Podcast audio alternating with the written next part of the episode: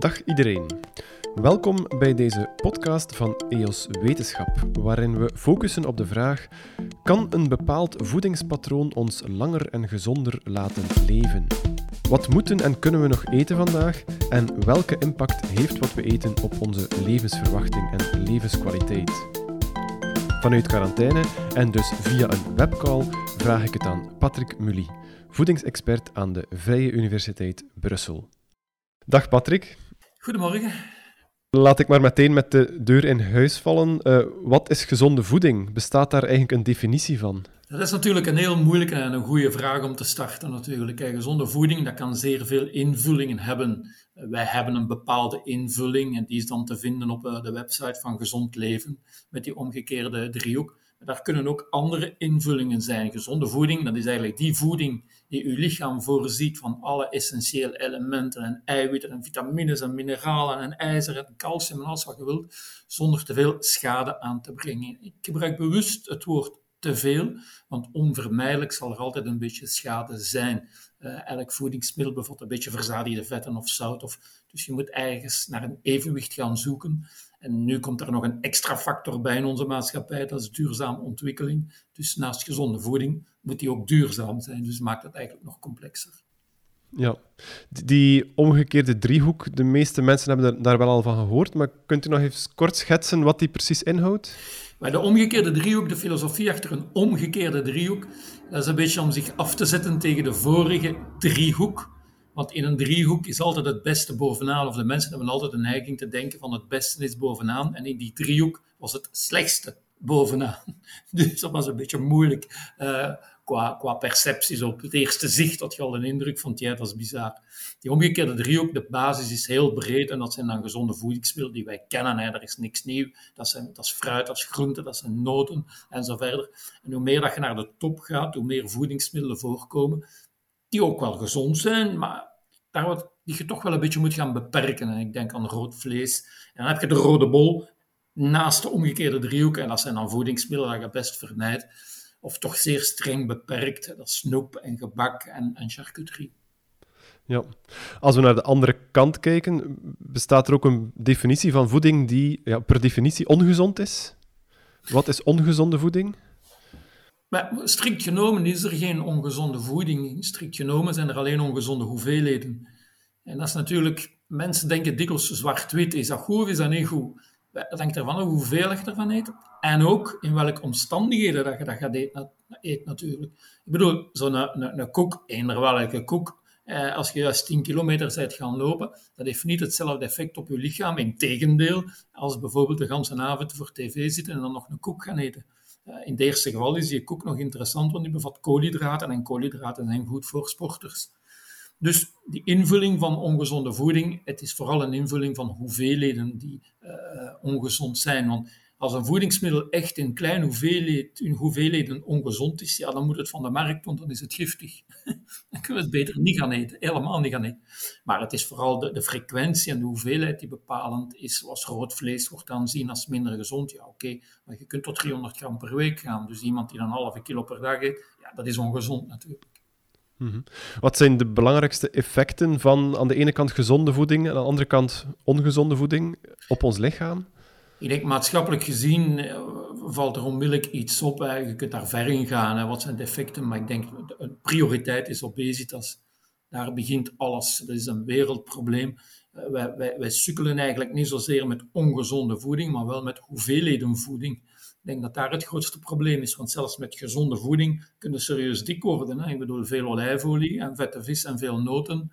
Dat zal zich uiten op de weegschaal in een verhoging van het lichaamsgewicht. Ja, calorieën zijn calorieën. Die, hebben, die weten niet of ze gezond zijn of ongezond.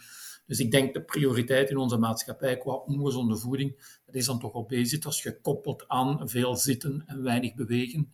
Uh, minder roken, dat is positief, maar die drie factoren zijn natuurlijk dramatisch op onze gezondheid.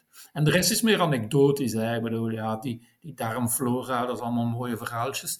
Maar bon, zolang als je met kinderen obesitas zit, zal dat weinig uh, invloed hebben. Ja. We gaan straks nog wat dieper in op uh, overgewicht en obesitas.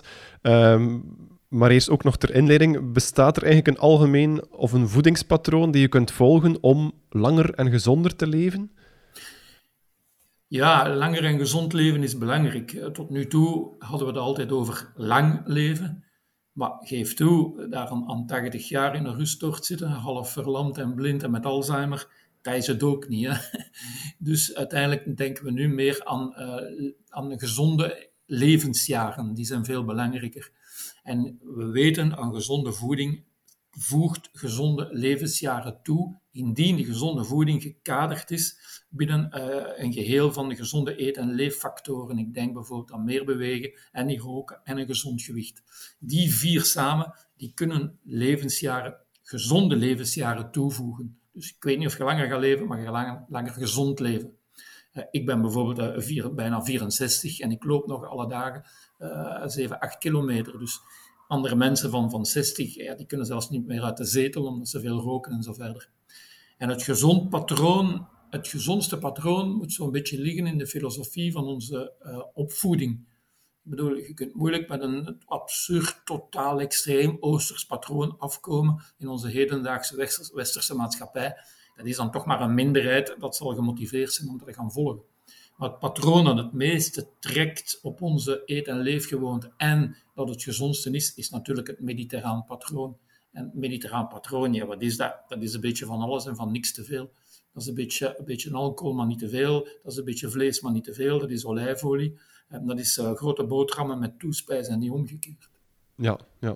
Als het in de media, als we daar lezen over voeding, dan lezen we vaak ook tegenstrijdige berichten. De ene keer is, is koffie goed voor het voor, voor, om langer te leven, de andere keer is koffie gevaarlijk zelfs. Uh, hetzelfde voor melk, uh, alcohol. Waarom zijn studies over voeding, of toch berichtgeving over voeding, vaak heel tegenstrijdig? Ja, dat is natuurlijk wel een complex verhaal in die zin van, daar zitten soms ook uh, belangen achter. En dat wil ik wel benadrukken. Ik heb geen enkel, wat we zeggen, conflict of interest. Ik werk niet voor een bedrijf. Ik heb geen geld gekregen van een bedrijf. Dus ik heb geen enkel belang. Een week geleden bijvoorbeeld was er een Engels onderzoeker die in alle kranten uh, liet weten dat melk dan toch gezond was. En als je dan gaat opzoeken, die kerel in een database, dan zie je dat die gelinkt is aan de melklobby.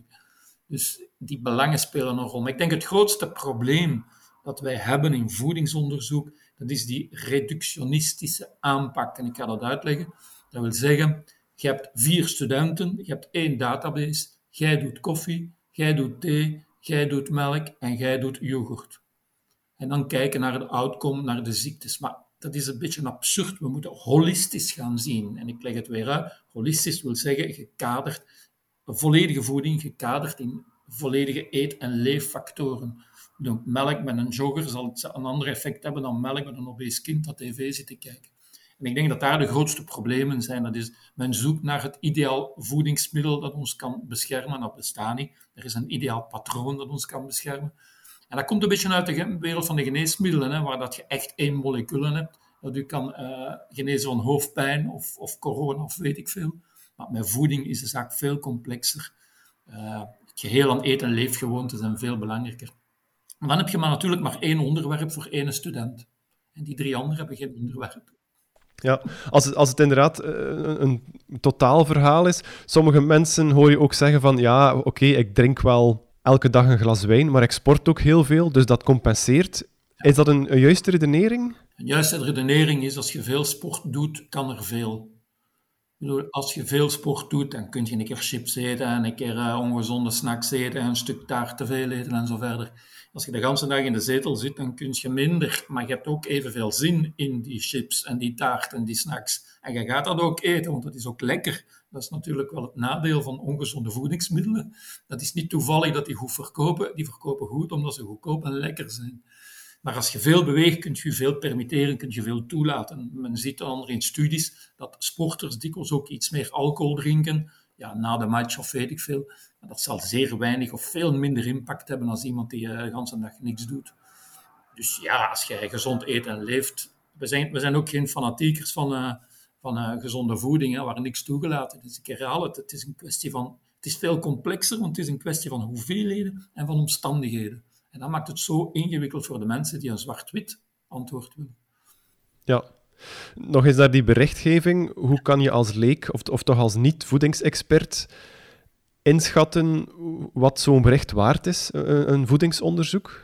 Goh, ik denk wat dat wij doen bij Gezondheid en Wetenschap, waar ik redacteur ben, dat is kijken naar verzameling van studies. Wij kijken niet, ja, wij kijken naar de berichtgeving en dan gaan we zoeken in een database naar verzameling van studies. Dat zijn dan uh, systematische literatuuranalyse. Wat is dat? Dat is gewoon een artikel dat alles samenvat van de laatste 10, 20 jaar dat verschenen is over een bepaald onderwerp. Maar er is één factor die je ook wel moet weten. Toevallig kunt jij vinden dat koffie kanker geeft en toevallig kunt jij vinden dat koffie geen kanker geeft. Met andere woorden, als je zo'n systematische literatuuranalyse leest, dan heb je toch wel een goed overzicht. Ik denk als consument heb je natuurlijk geen tijd om in die database te gaan zoeken. Ik denk, hou u ver van die berichten, want veel van die berichten in meer populaire media heeft tot doel van te verkopen. En iedereen eet, dus iedereen is geïnteresseerd in wat je schrijft. Als je iets gaat schrijven over, weet ik veel, Alzheimer, dat is maar een beperkt deel van de bevolking eh, dat, daar, dat dat vreest. Maar eten doet iedereen. Dus het doel van veel van die berichtgeving is eigenlijk gewoon verkopen en sensatie en niet van u in te lichten of u gezonder te laten of doen eten. Dus blijf ver van die, uh, van die tijdschriften of althans van die berichten over die studies. En volg uh, Gezond Leven, die website van uh, Gezond Leven is heel goed. Gezondheid en Wetenschap doet ook veel inspanningen om neutrale informatie te geven. EOS doet dat ook om neutrale informatie te geven. Ik denk, als je, als je echt informatie wilt, ga daar naartoe en hecht weinig belang aan grote titels. Mm U zei al dat het een, een, een holistisch verhaal is van eten, dus dat, dat we met alles moeten rekening houden. Maar kunnen we wel iets besluiten over bijvoorbeeld dat glas wijn uh, qua hoeveelheid, uh, qua dagelijks uh, wit-rood? Want dat zijn berichten die vaak terugkeren, koffie ook. Is daar iets over te zeggen van welke mate al of niet gezond is? Ja, wel, uw voorbeeld zegt al veel. Het, het, verhaal van een glas wijn, dat dateert van de jaren negentig. En dat waren studies die gesponsord waren door Franse wijnboeren. Met andere woorden, het gaat om een glas alcohol. Of je nu bier drinkt of wijn, eh, dat doet uw goede cholesterol stijgen en zou ook uw bloedplaatjes minder doen samenklitten. Dus één of twee glazen alcohol per dag zouden interessant kunnen zijn, maar er zijn te weinig argumenten om tegen iedereen te gaan zeggen: drink elke avond. Maar als je drinkt, ja oké, okay, mate kan geen kwaad. Men denkt, of men vertrekt van standpunt één glas per dag gemiddeld voor vrouwen, twee voor mannen omdat je een ander factor daar ook hebt, dat is dan toch wel een maatschappelijke factor uh, op de weg, ongelukken. En ten tweede ook een verslavingsfactor. Alcohol is, is een drank, gelijk een ander, maar is ook een verslavend middel. Dat maakt het natuurlijk wel complex. Maar ik denk, als je, de als je echt geniet van je drankje s'avonds, als je dat echt goed doet, als dat goed is tegen de stress en je kalmeert daarvan en het is gezellig, ja, doe dat dan, ondanks de berichten. Maar je moet niet denken dat je dat moet doen om gezond te zijn. Ja, uh, aan de andere kant zijn er ook mensen die bijvoorbeeld niet drinken, uh, al of niet bewust, maar dan wel voor frisdrank of uh, vruchtensappen kiezen. Wat, wat kunt, u, kunt, u, kunt u daarover zeggen? In welke mate zijn die, ja, moeten we die proberen te vermijden, al of niet? Wel, die, die frisdranken, ik ben al ouder, ik heb al gezegd, ik word 64. Oorspronkelijk de frisdranken, dat was iets dat wij kregen op café. Dat was een genotsmiddel. En af en toe een keer eentje de vrijdagsmiddags met de boterham, een lunchpakket. Dat is dan geëvolueerd naar een dagelijks gebruik, want dat bedrijf kan niet leven van café alleen. Dus als je alle dagen veel frisdrank drinkt, is dat veel interessanter. Dan zijn die zero-dranken gekomen, die kun je bijna alle dagen gaan drinken. Waarom? Omdat er toch geen calorieën in zitten. Maar dat is natuurlijk stukken duurder dan kraantjeswater, want je betaalt je eigen blauw voor dranken. Um, frisdranken en, en, van die, en die, en die uh, fruitsappen, die zouden in mijn ogen toch wel zeer duur moeten worden. Waarom? Omdat ons lichaam is oneindig slecht in het herkennen van vloeibare calorieën. Bedoel, als je 800 calorieën eet, dan zit je s'avonds in de zetel vol. Uh, als je 800 calorieën bijvoorbeeld een fles wijn drinkt, dan zul je zat zijn, maar je maag is niet vol.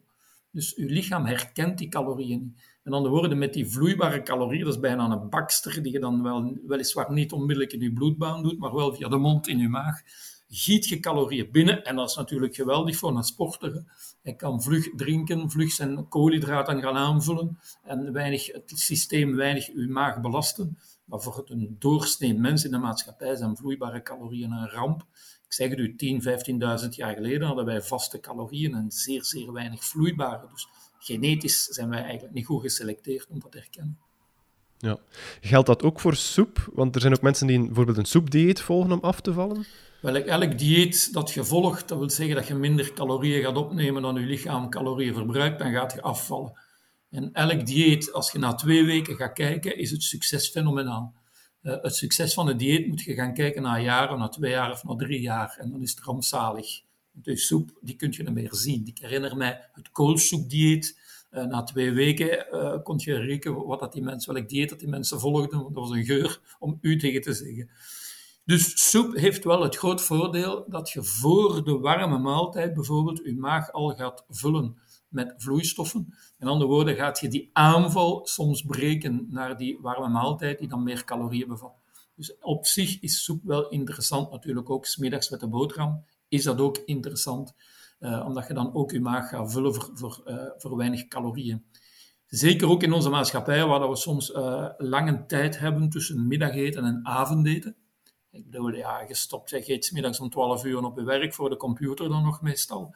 En je zit pas om 7 uur thuis omdat je in de file zat. Je bent dus wel scheel van de honger, als ik dat mag zeggen. En als je dan vliegt op die, die, die energierijke voedingsmiddelen, is er een grote kans dat je te veel gaat opnemen. Als je eerst een soepje neemt, dan gaat dat toch wel de aanval breken. -hmm.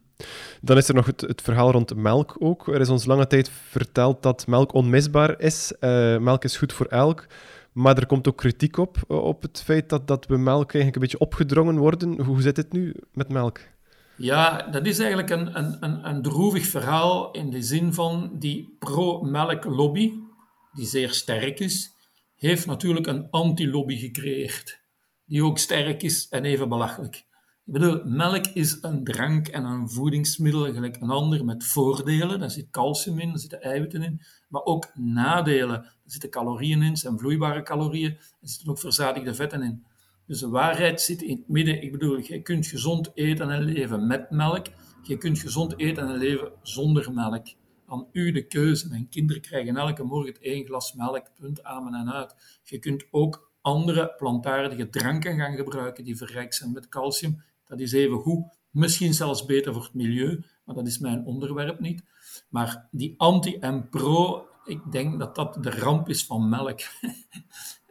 In de jaren 60 was melk een beetje heilig, maar je moet u, je moet u wel weten waar dat we komen. In de jaren 60 hadden kinderen, ik in mijn jeugd, veel minder snacks. Wij aten niks s'avonds voor tv, dat werd niet gedaan tussen de maaltijden eten. We geen, als we chips hadden, was dat een familiefeest uh, uh, in de zondag. Dus wij aten veel minder tussenin en was melk wel belangrijk als drank om toch gezonde eh, elementen binnen te krijgen. Maar we zitten in 2022 met toch veel kinderobesitas. 115.000 kinderen zijn nu al obese, dus niet overgewicht, maar echt obese. Ja, die duwen naar volle melk, daar heb ik het toch wel moeilijk mee. Mm Ouders hebben het vaak ook moeilijk, nu het over kinderen gaat en obese kinderen, om hun kinderen een, een juist voedingspatroon uh, aan te leren. Ook omdat dat kinderen vaak uh, nogal uh, tegen gezonde voeding zijn. Ik zal zeggen, ze lusten het niet. Of ze kiezen vooral voor de, voor de suikerrijke, voor de vetrijke dingen. Heeft u een, een, tip of een advies voor ouders om hun kinderen gezond te laten eten? Ik, ben, ik, ik heb wel vier kinderen, maar daarom ben ik nog geen grote opvoeder. Maar ik geloof heel sterk in uh, het voorbeeld geven. En wat in huis is, eet je. En wat niet in huis is, eet je niet. Met andere woorden, als uw kast vol chips is en je zegt tegen die kleine, je moet gezond eten, dan wordt uw boodschap toch minder geloofwaardig. Uh, als er alleen fruit is en banaan en zover als die kleine honger heeft, gaat hij dat eten. Uh, we hadden het net toch over, over zuivel. Van zuivel is het een kleine stap naar vlees. Wat weten we over de gezondheidseffecten van vlees?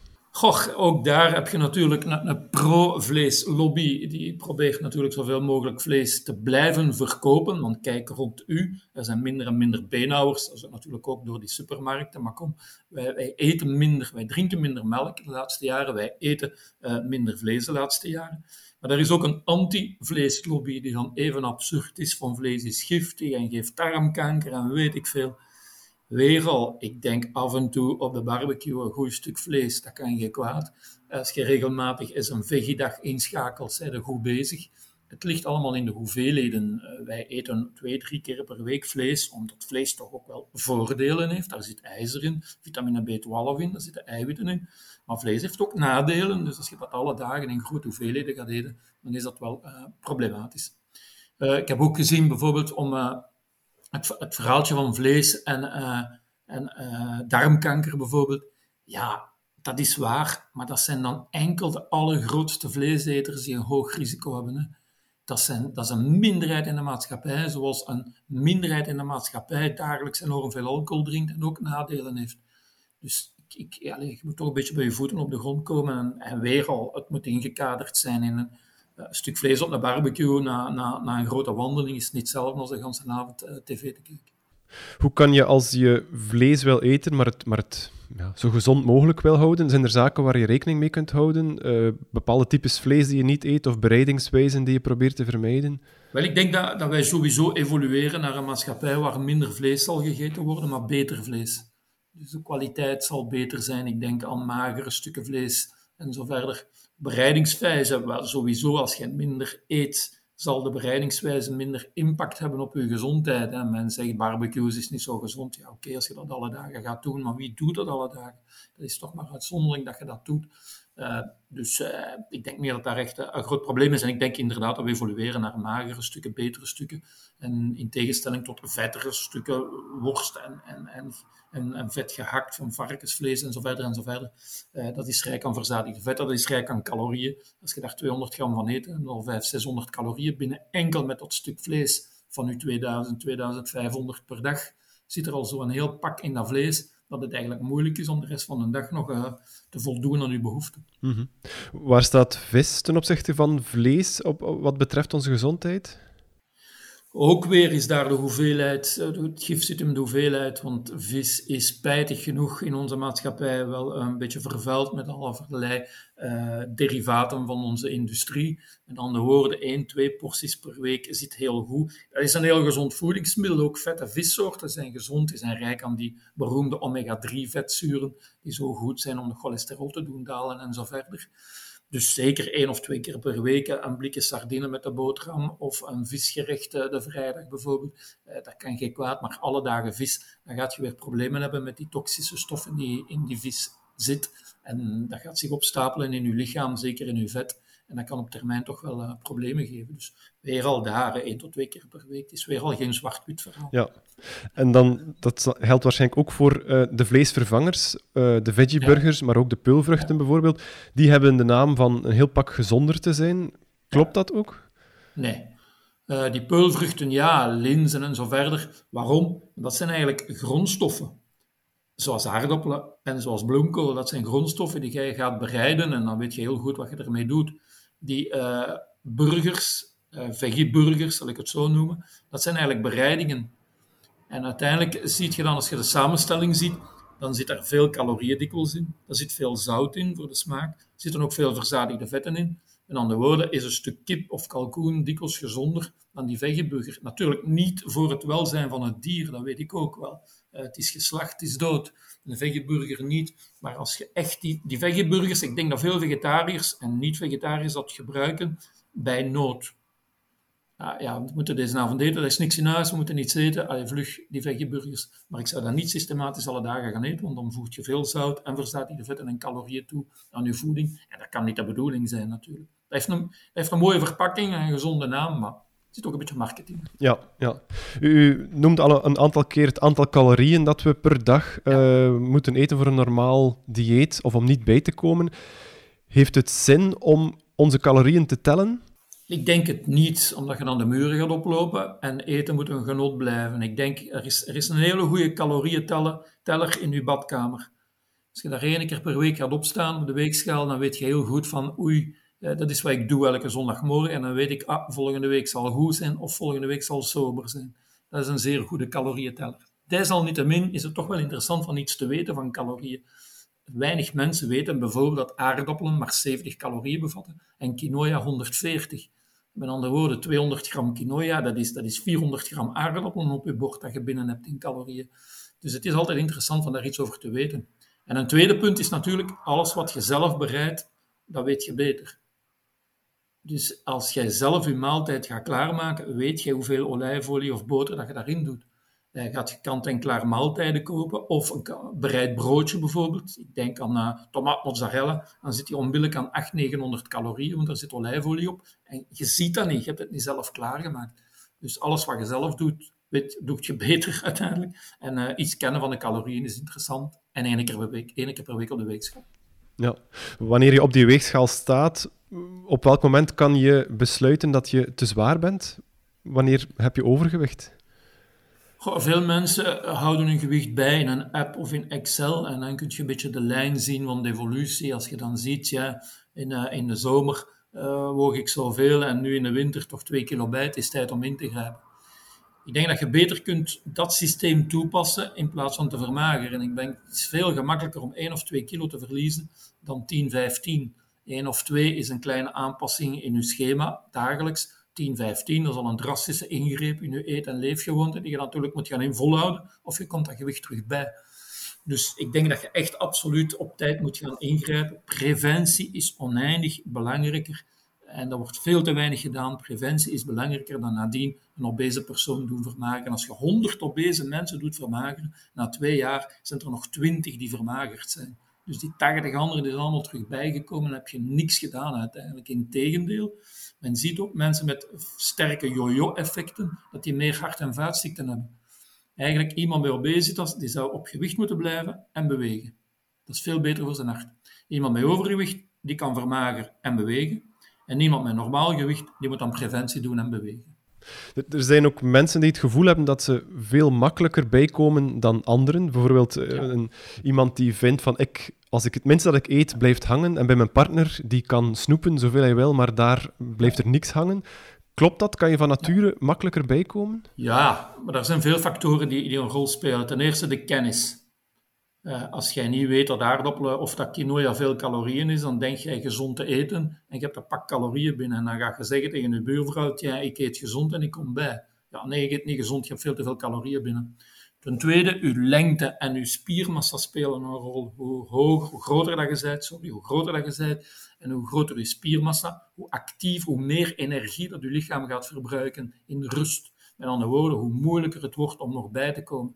Dat zijn maar kleine bedragen, 20, 30, 50 calorieën per dag, maal 365, maal 10 jaar, wordt dat natuurlijk een enorme massa.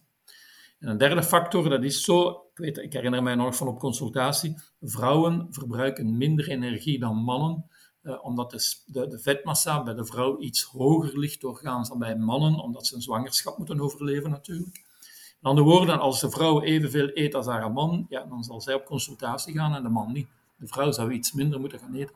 Maar dat is een moeilijke boodschap aan tafel tegen uw vrouw. Te gaan zeggen, schatje, eet wat minder. Daar komt slecht ja. over. um, is het inderdaad zo dat dan mensen die het gevoel hebben dat ze van nature, dus die dat gevoel hebben van ik kom makkelijker bij, dat die dat u adviseert omdat die toch naar een diëtist, een voedingsexpert gaan om eens uit te zoeken of het effectief wel, uh, of ze goed bezig zijn qua eten? We weten toch uit onderzoek dat mensen die begeleiding krijgen, en ik zal in het algemeen, ik zal geen beroepscategorie bevoor of benadelen, maar mensen die begeleiding krijgen meer succes hebben op termijn. We weten ook uit onderzoek dat als dat in groep gebeurt, en dat kan met diëtisten in groep, maar dat kan ook met weetwassers in groep, dat kan met kine in groep, dat kan overal in groep, als dat in groep gebeurt, is de kans op succes ook beter. Er is geen ideaal middel om te vermageren, want moest er één zijn, dan was ik nu schatrijk, maar ik heb het niet. Dus dat zijn toch wel factoren die u helpen. Niet zozeer voor de overdracht van kennis. Die is beperkt, die kennis. Je moet iets weten van die calorieën en zo verder, een beetje gezond verstand en zo verder. Maar vooral voor de motivatie uh, te onderhouden en ook om afspraken te leggen. Als je naar iemand gaat, je wilt je gezicht niet verliezen natuurlijk. Ja, je gaat daarom te vermageren, je moet teruggaan. Ja, en je bent een kilo bij, dat is niet tof. Hè? Dus je gaat een inspanning doen, je gaat je best doen. Dus omkadering, één groep, uh, is wel interessant om het vol te houden. En dan een beetje kennis speelt ook wel een rol. Ja. Waarom is het eigenlijk zo moeilijk om af te vallen en, en zo makkelijk om te hervallen? Ja, dat is eigenlijk een bizar fenomeen van uw lichaam. Dat bijvoorbeeld als uw vetgehalte te laag wordt bij anorexia bij vrouwen, dan kan het lichaam zelfs geen, dan, krijgt het dan zijn er zelfs geen regels meer. Die vrouw kan niet meer zwanger worden. Dus bij een te laag vetgehalte heb je mechanismen in het lichaam dat zegt van, oh, hier gaan we over survival modus, we gaan hier oppassen en alles, alle uh, sluipwegen van energie sluiten en decentie in stand houden. Hartkloppen en hersenen. Maar het omgekeerde bestaat niet. jij kunt zeer obese zijn en je hebt honger en je, en je, hebt, en je gaat veel eten. Je lichaam gaat niet zeggen, man of vrouw, je moet deze middag niet eten, want er is genoeg vet. Dat bestaat dus niet. Het probleem dat we zo goed en gemakkelijk bijkomen, dat is als je bijkomt en bijvoorbeeld obesitas ontwikkelt, dat wil zeggen dat je een bepaalde verhouding hebt in je, met je omgeving. Dat wil zeggen dat je te veel snoep tussendoor, dat je eh, veel op restaurant gaat, misschien door je werk, eh, veel familiefeesten, veel alcohol drinkt. En het is niet toevallig dat je in dergelijke situatie terechtkomt, dat is omdat je dat graag hebt. En terug achteruit gaan, dat is natuurlijk niet evident. Ik zie dat bij mijn kinderen ook. Hè. Als die een ganse week frisdrank krijgen, terug water op tafel, dat is niet plezant. Je hebt neiging om terug te keren naar het lekkere. En dat maakt het zo complex in onze maatschappij, dat wij leven in, in een wereld waar het ongezonde alle voordelen heeft. Ik bedoel daarbij houdbaarheidsdatum, uh, een goede prijs. En het ongezonde heeft, het gezonde heeft alle nadelen. Ik bedoel, duurder, het vervalt en je moet er nog aan koken. Als je patatten gaat koken, kunt je zo niet opeten. Een snack wel. Dus al die factoren samen maken het toch wel dat het extreem moeilijk is om eenmaal dat je obesitas of overgewicht ontwikkeld hebt, om terug te keren naar je vorig stadium. Je hebt dan drastische ingrepen nodig. En daarmee bedoel ik drastisch op het gebied van uh, gezin. Je moet echt je gezin gaan reorganiseren. Zien dat het niet in huis is, want als het niet in huis is, blijf je er vanaf. En meer bewegen. En dat laatste is natuurlijk niet evident als je daar niet van kleins af aan mee begint. Ja. Kan je eigenlijk ook verslaafd zijn aan suikers of vet? Zoals je aan alcohol verslaafd kunt zijn? Ja, dat is moeilijk. Dat is altijd een moeilijke discussie. En, en ik, ben, ik ben geen psycholoog of verslavingsspecialist. Maar het is wel zo een keer dat je die gewoonte hebt is dat leuk. En je blijft daarin. Ik herhaal het, dat is niet toevallig dat die producten wereldsuccessen zijn. Ik zal een merk noemen, Coca-Cola. Ik ben in Groenland geweest, in het stomste dorp vind je Coca-Cola. Dat is niet toevallig. Dat is lekker. Mensen hebben dan graag die smaak. Dus een verslaving, ja, vanaf wanneer kun je spreken van een verslaving, dat weet ik niet. Maar een zeer vervelende gewoonte waar je moeilijk van afgeraakt, ja. En je hebt dat heel fel met zoet, in de zin van uh, een keer dat je tong begint te baden in de zoete wereld, ja, dan heb je neiging nog meer zoet te willen en enkel dat als lekker te ervaren en geen spinazie of, of, of, of rode kool of weet ik veel. Dus we hebben toch een speciale band met zoet. Is dat een verslavingsband? Dat weet ik niet, dat kan ik niet invullen. Maar we hebben een zeer speciale band met zoet. Als we in de, de, supermarkt staan of in de winkel en we willen bewust gezonde voeding kopen, uh, sinds een aantal jaar hebben we nu de Nutri-scores. Zijn die een goede leidraad om inkopen te doen? Dat is een zeer goede leidraad indien dat goed uitgelegd wordt hoe dat, dat werkt. Want dan lees ik soms van olijfolie heeft een hogere score dan zalm of weet ik veel. Ja, nee, je moet vergelijken binnen je categorie. Jij gaat naar de winkel en je wilt olie kopen, dan zal die Nutri-score nu helpen om de gezondste olie te geven. Die Nutri-score zal u niet zeggen, je moet geen olijfolie, geen olie kopen, je moet uh, zalm kopen. Dat zou absurd zijn. Dus het is een score dat u helpt om binnen de categorie de gezondste keuze te maken. Dat is belangrijk. Helpt dat? Ja, dat helpt. Behalve natuurlijk dat het niet verplicht is. Met andere woorden worden wij omgeven in de supermarkt, en dat is ook goed. Hè? Wij worden omgeven door groene labels, uh, goede labels. En als je een slechte label hebt als producent, ga je dan niet, staan te springen om die label te gaan gebruiken. Zie een keer hoe slecht dat ik ben. Koop mij maar, ik ben heel slecht. Dus ja, die scores helpen veel beter dan wat de industrie wil. De industrie, toch een deel van de industrie, die wil blijven met die cijfertjes op de verpakkingen. Die zeggen volledige informatie is veel beter. Dat is niet waar, want dan zwemt je in een zee van informatie.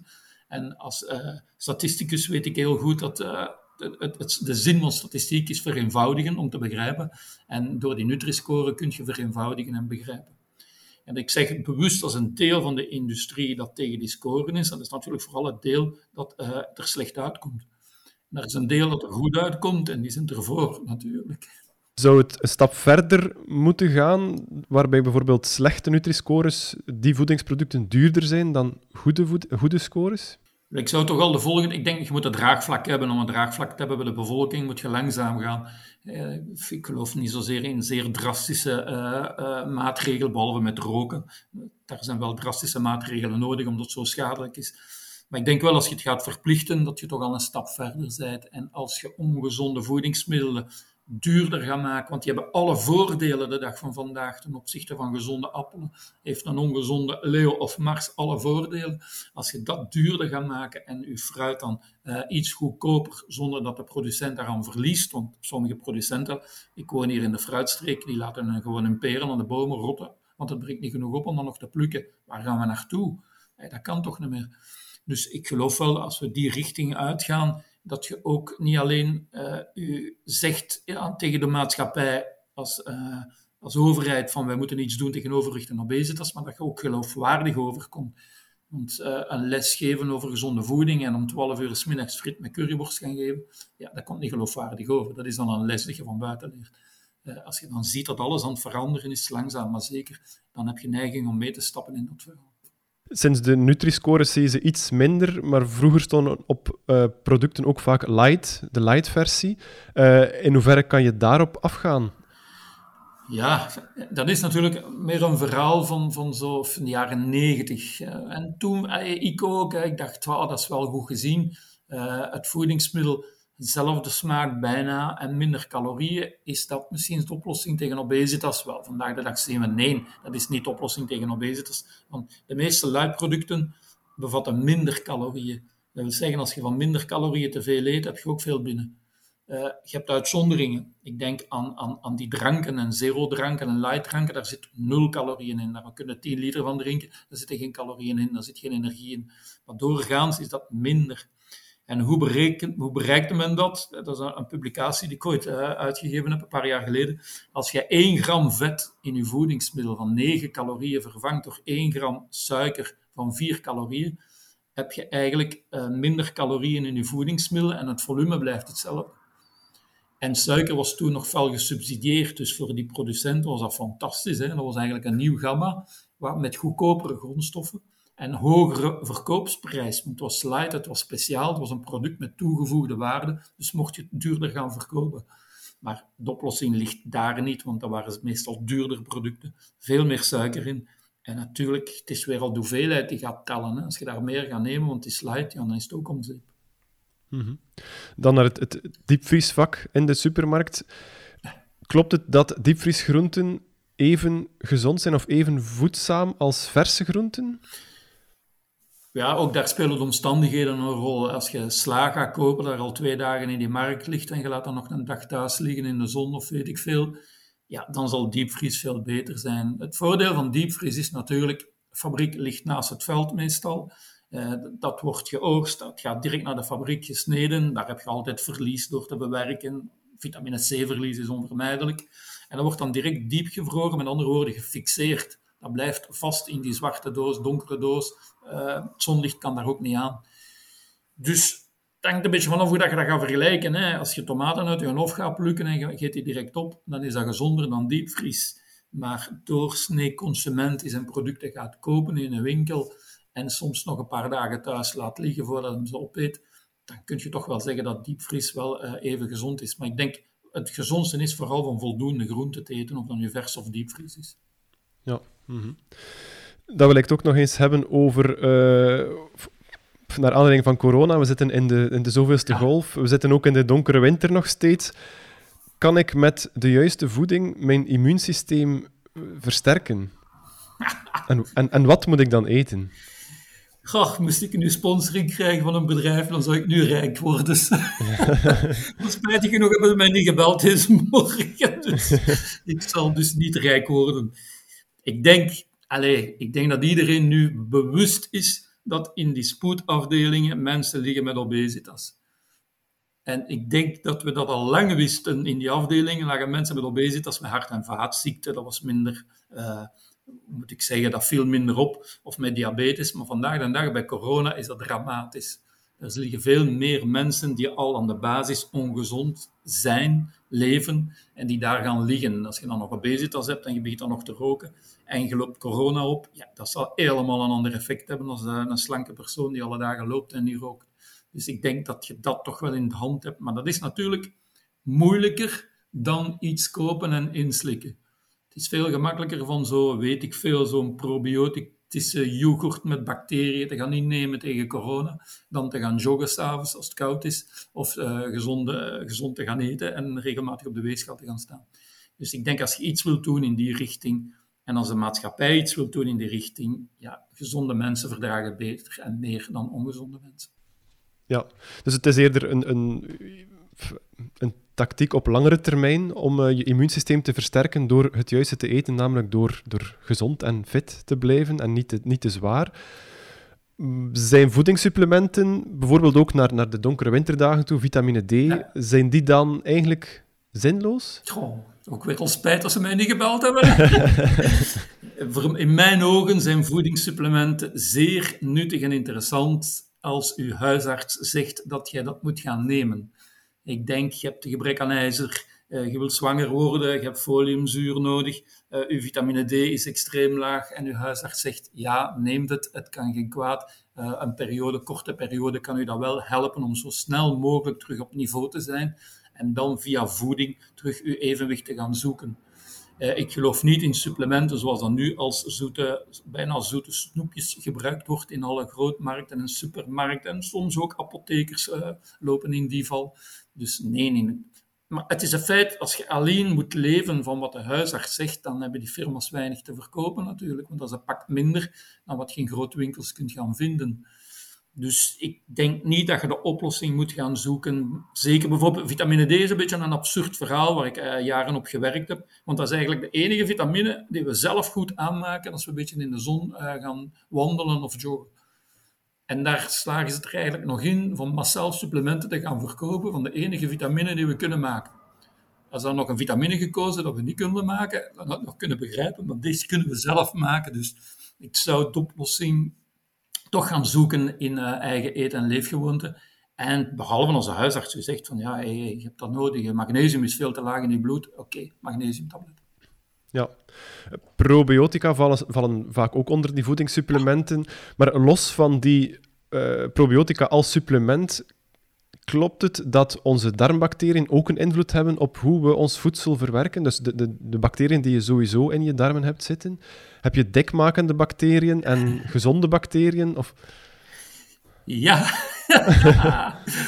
oh, wat heb ik spijt. Wel, kijk, eh, het zou tof zijn moesten wij obese als enkel kunnen oplossen met zo uh, een, flesje te drinken met bacteriën. Man, man, man, wat zou het leuk zijn om te kunnen eten alles wat je wilt en drinken alles wat je wilt en gewoon die bacteriën doorslikken. Er zitten enorme commerciële belangen achter. Ik ben juist een publicatie aan het afwerken. Als de studie gesponsord wordt door de overheid, is 50% positief van die studie en 50% negatief. Wat heel normaal is met een hypothese. Hè. Een hypothese van een studie kan twee richtingen uit, ja of nee. Als die gesponsord wordt door de industrie, is 75% positief. Dus daar weet je al onmiddellijk waar de enorme belangen liggen en waar dat massaal geïnvesteerd wordt in ons te vertellen wat wij moeten doen. Pas op, dat is moeilijk onderzoek. Probiotica, bijvoorbeeld probiotica en, en cholesterol is gemakkelijk. Je neemt probiotica, je meet de cholesterol en je hebt een cijfer. Probiotica en immuniteit, dat is geen zever. Hoe ga je de immuniteit meten? Minder snotvallingen? Ja, maar ja, hoe telt je die? Dus dat is niet evident aan onderzoek. Maar je moet weten dat sommige producten toch al vanuit Japan sinds de jaren 30 bestaan. En we zijn nog altijd juist aan het zoeken wat ze doen. Dan is dat meestal geen goed teken. Geldt dat ook voor uh, andere producten die ook wat onder probiotica vallen, zoals uh, gefermenteerde dranken of, of yoghurt, uh, dat soort zaken? Ja, dat zijn gezonde producten en ik heb graag yoghurt s'avonds met een beetje fruit in, dat is geen enkel probleem. Maar er is een tendens natuurlijk vandaag de dag in onze verzadigde maatschappij, verzadigd omdat we obesitas hebben en omdat de productie veel hoger ligt dan het verbruik. Er is een tendens om daar uh, health claims, gezondheidsclaims aan te verbinden, om, u, om de mensen eigenlijk een obese persoon nog te wijs te maken dat hij moet gaan consumeren, dat dat goed is voor zijn gezondheid. Dat is niet gemakkelijk. Hè? Doorgaans zou je zeggen van consumeert een beetje minder, want dat zou beter zijn voor je gezondheid. Dus moet men in die richting gaan zoeken om die producten te ondersteunen. Ah en daar wordt mee, moet ik zeggen, in tienen zeggen gefoefeld en uh, gemanipuleerd tot en met om toch tot uh, goede conclusies te komen die aangenaam zijn voor het product. En als die conclusies er niet zijn, verschijnt een artikel niet. Ja, dat is ook een, een mooie slotconclusie voor, deze, voor dit gesprek kritisch blijven over, uh, over wat we eten en over wat we horen over eten. Heeft u misschien nog een ultieme voedingstip, voedingsadvies voor de luisteraars? Ik denk dat je eigenlijk niks moet gaan uitsluiten. Dat is absurd van die uitsluitingsdiëten. En ik, ik denk dat, dat je een tip. Ik denk dat de meeste mensen wel weten wat gezond is. Lees, leest iets minder, maar van betere kwaliteit. Oké. Dat is een, eh, een, goed advies om, uh, om mee te nemen. Uh, heel erg bedankt voor dit zeer boeiende gesprek. Graag gedaan. Dank u. Dank u. Jullie luisteraars thuis, bedankt voor het luisteren. Vond je deze podcast interessant? Deel hem dan zeker. Of schrijf je via www.eoswetenschap.eu in op onze nieuwsbrief en blijf zo op de hoogte van volgende afleveringen. Smakelijk en tot een volgende keer.